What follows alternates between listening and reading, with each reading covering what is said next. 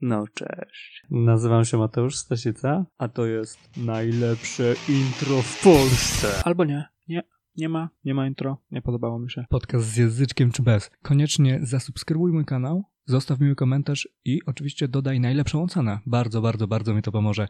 Dzięki, a teraz odcinek. Halo, halo, kolejna porcyjka mięcha ode mnie. Tym razem będą to interesujące słówka, które niekoniecznie są powiązane z biznesem, z przedsiębiorstwami.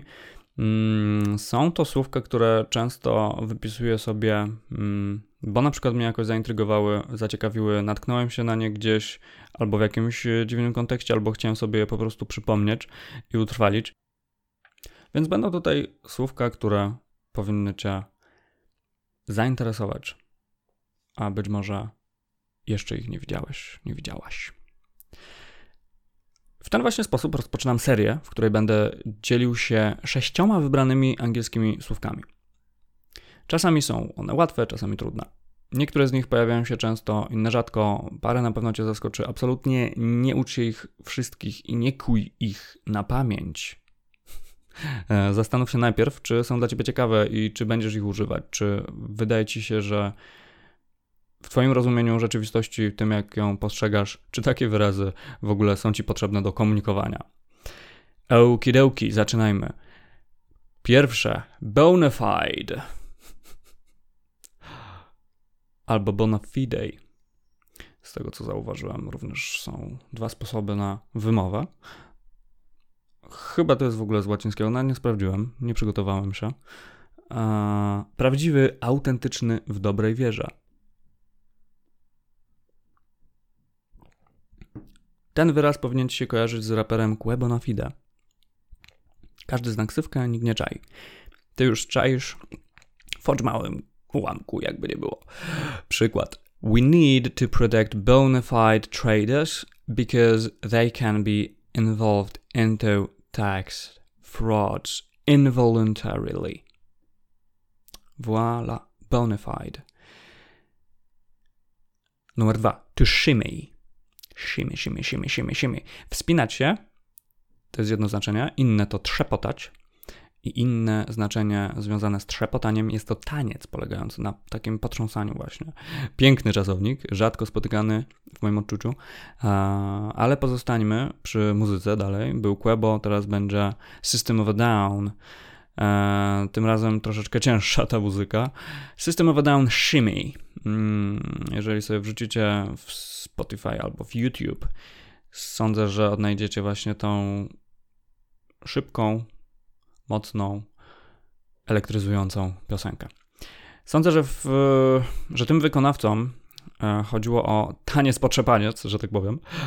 Z kolei w książkach czy filmach sensacyjnych albo detektywistycznych napotkasz się na wkradanie do budynków, na przykład porydnie.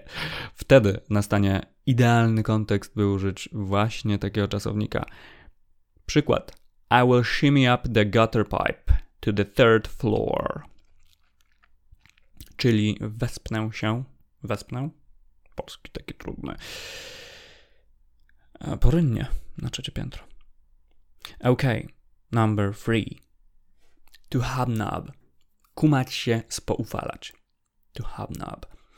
Wyraz, który może przydać się w wielu kontekstach. Czasami może mieć mocniejszy wydźwięk, a czasami może on zostać zminimalizowany do zwykłego zadawać się z kimś, które nie jest jako specjalnie pejoratywne. Przykład, akurat pejoratywny. These two politicians hobnobbed in the same social cycles, so I don't trust their opinion. Numer 4. To behoove. To suit, to benefit. Czyli pasować, wypadać. Jeżeli coś wypada ci zrobić, albo pasowałoby wykonać pewną czynność, to użyj tego właśnie czasownika. Brzmi doskonale. It behooves me to tell them the truth. Uh, we have lived together so long. Czyli wypadałoby mi powiedzieć im prawdę, przecież żyjemy ze sobą tak długo. Number five, touché. Trafiony albo wzruszony. Tak powinno ci się właśnie to kojarzyć z dotknięciem, czyli touch, jednak to E z akcentem sugeruje na samym końcu pochodzenie francuskie. A wyraz przede wszystkim tyczył się trafienia w szermierce. Aktualnie przybrał też znaczenia trafienia w sedno albo po prostu w punkt, docierać do kogoś emocji. Z kolei w luźniejszej gadce pojawi się ten wyraz również po udanym żarcie. Przykład: She's not so scary with her makeup on. Touché. Uh, no, coś takiego zasłyszałem. Proszę bardzo.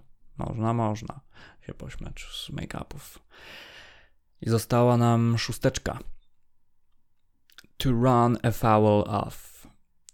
Mm, być na bakier z prawem w sprzeczności yy, albo naciskać komuś na odcisk.